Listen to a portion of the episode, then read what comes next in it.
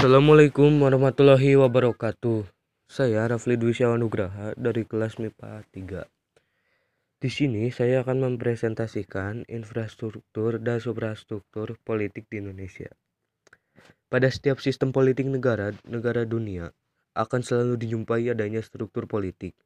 Struktur politik dalam suatu negara adalah pelembagaan hubungan organisasi antara komponen-komponen yang membentuk bangunan politik. Struktur politik sebagai bagian dari struktur yang pada umumnya selalu berkenaan dengan alokasi nilai-nilai yang bersifat otoratif, yaitu yang dipengaruhi oleh distribusi serta penggunaan kekuasaan. Permasalahan politik menurut Alfian dapat dikaji melalui berbagai pendekatan, yaitu didekati dari sudut kekuasaan, struktur politik, komunikasi politik, kontribusi, pendidikan, dan sosialisasi politik, pemikiran dan kebudayaan politik.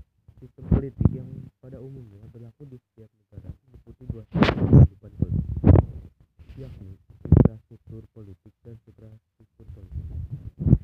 Infrastruktur politik di dalam suatu kehidupan politik rakyat atau the social political sphere akan selalu ada keterkaitan atau keterhubungan dengan kelompok-kelompok lain ke dalam berbagai macam-macam golongan yang biasanya disebut kekuatan sosial politik masyarakat. Kelompok masyarakat tersebut yang merupakan kekuatan politik real di dalam masyarakat disebut infrastruktur politik karena mencakup lima unsur atau komponen sebagai berikut. politik, dua kelompok kepentingan, tiga kelompok penekaan, empat media komunikasi politik komunikasi, lima tokoh politik.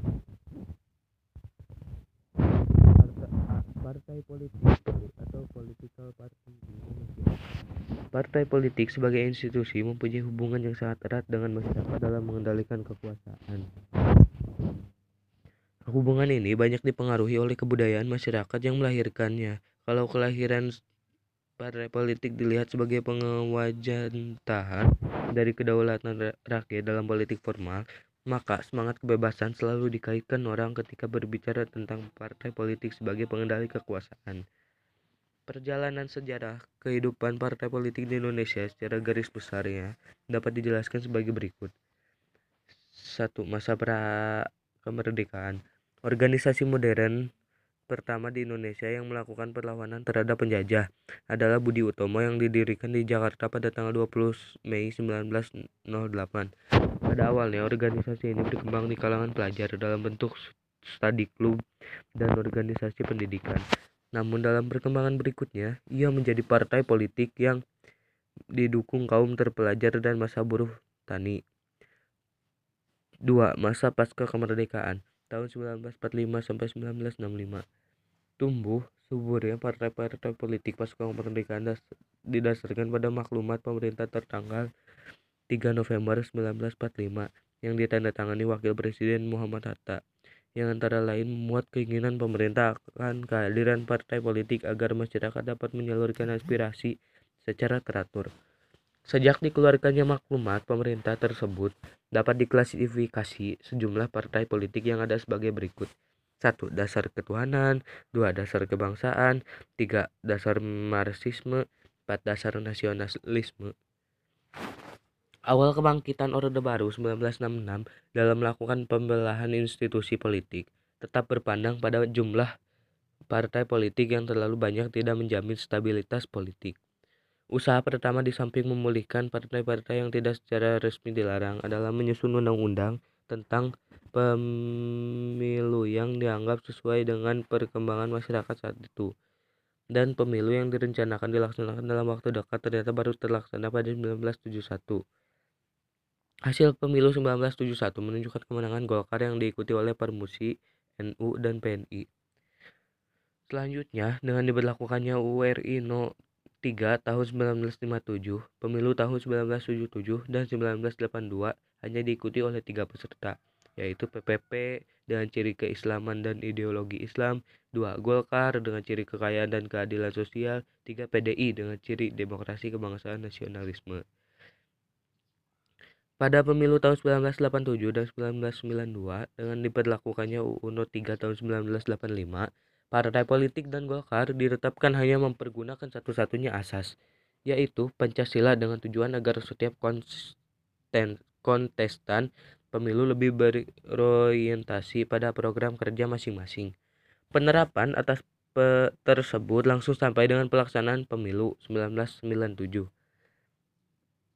Era Orde Baru mengalami anti klimaks kekuasaan setelah pada akhir tahun 1997 negara Indonesia mengalami krisis moneter yang selanjutnya berkembang menjadi krisis multidimensi karena terperangkap hutan luar negeri yang luar besar luar biasa dan banyaknya praktik korupsi, kolusi, dan nepotisme atau yang dapat disingkat menjadi KKN yang melibatkan pejabat bio, birokrasi dan pengusaha. Dan yang terakhir ada masa atau era reformasi tahun 1999 sampai dengan sekarang. Era reformasi benar-benar merupakan arus angin perubahan menuju demokratisasi dan asas keadilan. Partai-partai politik diberikan kesempatan untuk hidup kembali dan mengikuti pemilu dengan multipartai yang terselenggarakan pada tahun 1999.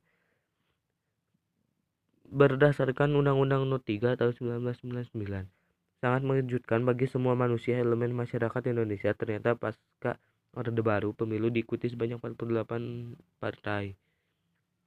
B. Kelompok kepentingan Kelompok kepentingan dalam gerak langkahnya akan sangat tergantung pada sistem kepartaian yang diterapkan dalam suatu negara. Aktivitas kelompok kepentingan umumnya menyangkut tujuan-tujuan yang lebih terbatas dengan sasaran-sasaran yang monolitis dan intensitas usaha yang tidak berlebihan. Kelompok kepentingan pada negara totaliter pada umumnya dianut oleh negara komunis seperti Rusia, RRC, Vietnam, Korea Utara, Kuba, dan lain-lain. David Lang, Len atau seorang analisis politik mengidentifikasi lima kategori kelompok kepentingan di Uni Soviet Rusia, yaitu elit politik, kelompok B, kelompok-kelompok institusional, C. Kelompok-kelompok pembangkang setia D. Kelompok pengelompokan sosial yang tidak terorganisir dalam satu kesetiaan E. Kelompok-kelompok yang tidak terorganisir dalam satu kesatuan yang bukan merupakan bagian dari aparat Soviet atau Rusia atau yang mempunyai jarak dengan rezim penguasa seperti kelompok intelektual dan yang menentang rezim atau anggota sekte-sekte keagamaan tertentu. Lalu yang ketiga ada kelompok penekan atau pressure group. Kelompok penekan merupakan salah satu institusi politik yang dapat dipergunakan oleh rakyat untuk menyalurkan aspirasi dan kebutuhannya dengan sasaran akhir adalah untuk mempengaruhi atau bahkan membentuk kebijakan pemerintah. Kelompok penekan dapat terhimpun dalam beberapa asosiasi yang mempunyai kepentingan sama, antara lain lembaga swadaya masyarakat atau LSM, dua organisasi sosial keagamaan, tiga organisasi kepemudaan, empat organisasi lingkungan kehidupan, lima organisasi pembela hukum dan HAM, enam yayasan atau badan hukum lainnya. D. Media komunikasi politik atau political communication media. Media komunikasi politik merupakan salah satu instrumen politik yang dapat berfungsi untuk menyampaikan informasi dan persuasi mengenai politik baik dari pemerintahan kepada masyarakat maupun sebaliknya. Media komunikasi seperti surat kabar atau telepon, fax, internet, televisi, radio, film, dan sebagainya dapat memainkan peran penting terhadap penyampaian informasi serta pembentukan atau mengubah pendapat umum dan sikap politik publik. 5. Tokoh politik Pengangkatan tokoh-tokoh merupakan proses transformasi seleksi terhadap anggota-anggota masyarakat dari berbagai subkultur masyarakat eh, keagamaan, status sosial, kelas, dan atas dasar isme-isme kesukaan dan kualifikasi tertentu yang kemudian memperkenalkan mereka pada peran-peran khusus dalam sistem politik. Bagi aktor-aktor politik itu sendiri, pengangkatan diri mereka selalu melalui proses, yaitu transformasi dari peranan-peranan non-politis kepada suatu situasi di mana mereka menjadi cukup berbobot memainkan peranan-peranan politik yang bersifat khusus dua pengangkatan dan penugasan untuk menjalankan tugas-tugas politik yang selama ini belum pernah mereka kerjakan. Di dalam benak masyarakat sering timbul pertanyaan atas pengangkatan tokoh-tokoh politik akan pengaruh besar terhadap pembangunan dan perubahan. Pada umumnya, pengangkatan tokoh-tokoh politik akan memberikan angin segar dalam memaparkan beberapa komponen perubahan dalam segala untuk dan manifestasinya. Pengangkatan tokoh-tokoh politik akan berakibat terjadinya pergeseran di sektor infrastruktur politik, organisasi, asosiasi-asosiasi, kelompok-kelompok kepentingan serta derajat kepolitisasi dan partisipasi masyarakat. 2. Suprastruktur politik. Suprastruktur politik atau elit pemerintah merupakan mesin politik resmi di suatu negara sebagai penggerak politik formal hmm, mohon maaf penggerak politik formal kehidupan politik pemerintah bersifat kompleks karena bersinggungan dengan lembaga-lembaga negara yang ada fungsi dan wewenang kekuasaan antara lembaga yang satu dengan yang lainnya. Dalam perkembangan kertanegaraan modern, pada umumnya elit politik pemerintahan dibagi dalam kekuasaan eksekutif, legislatif, dan yudikatif. Eksekutif atau kata lainnya disebut sebagai pelaksanaan undang-undang, lalu legislatif kata lainnya disebut pembuat undang-undang dan yudikatif yang mengadili pelanggaran undang-undang. Dengan sistem pembagian kekuasaan atau pemisahan kekuasaan ini terciptalah dan mantapnya kondisi politik negara, infrastruktur politik harus memperoleh dukungan dari infrastruktur politik yang mantap pula. Rakyat, baik secara berkelompok berupa partai politik atau organisasi kemasyarakatan maupun secara individual dapat ikut berpartisipasi dalam pemerintahan melalui wakil-wakilnya. Suprastruktur politik di negara Indonesia sejak bergulirnya gerakan reformasi tahun 1998 sampai dengan tahun 2006 telah membawa perubahan besar di dalam sistem politik dan ketatanegaraan Republik Indonesia. Era reformasi disebut juga sebagai era kebangkitan demokrasi.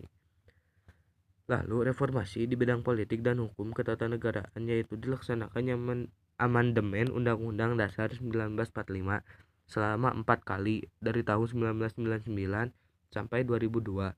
Amandemen pertama disahkan 19 Oktober 1999 yang kedua tanggal 18 Agustus 2, tahun 2000 yang ketiga pada tanggal 10 November tahun 2001 dan yang keempat tanggal 10 Agustus 2002 Amandemen UU 1945 tersebut telah mengubah struktur suprapolitik di Indonesia. Sekian interview dari saya tentang infrastruktur dan suprastruktur politik di Indonesia. Mohon maaf bila banyak kesalahan di review ini wabillahi taufik wal hidayah. Wassalamualaikum warahmatullahi wabarakatuh. Selamat mendengarkan semuanya dan selamat tinggal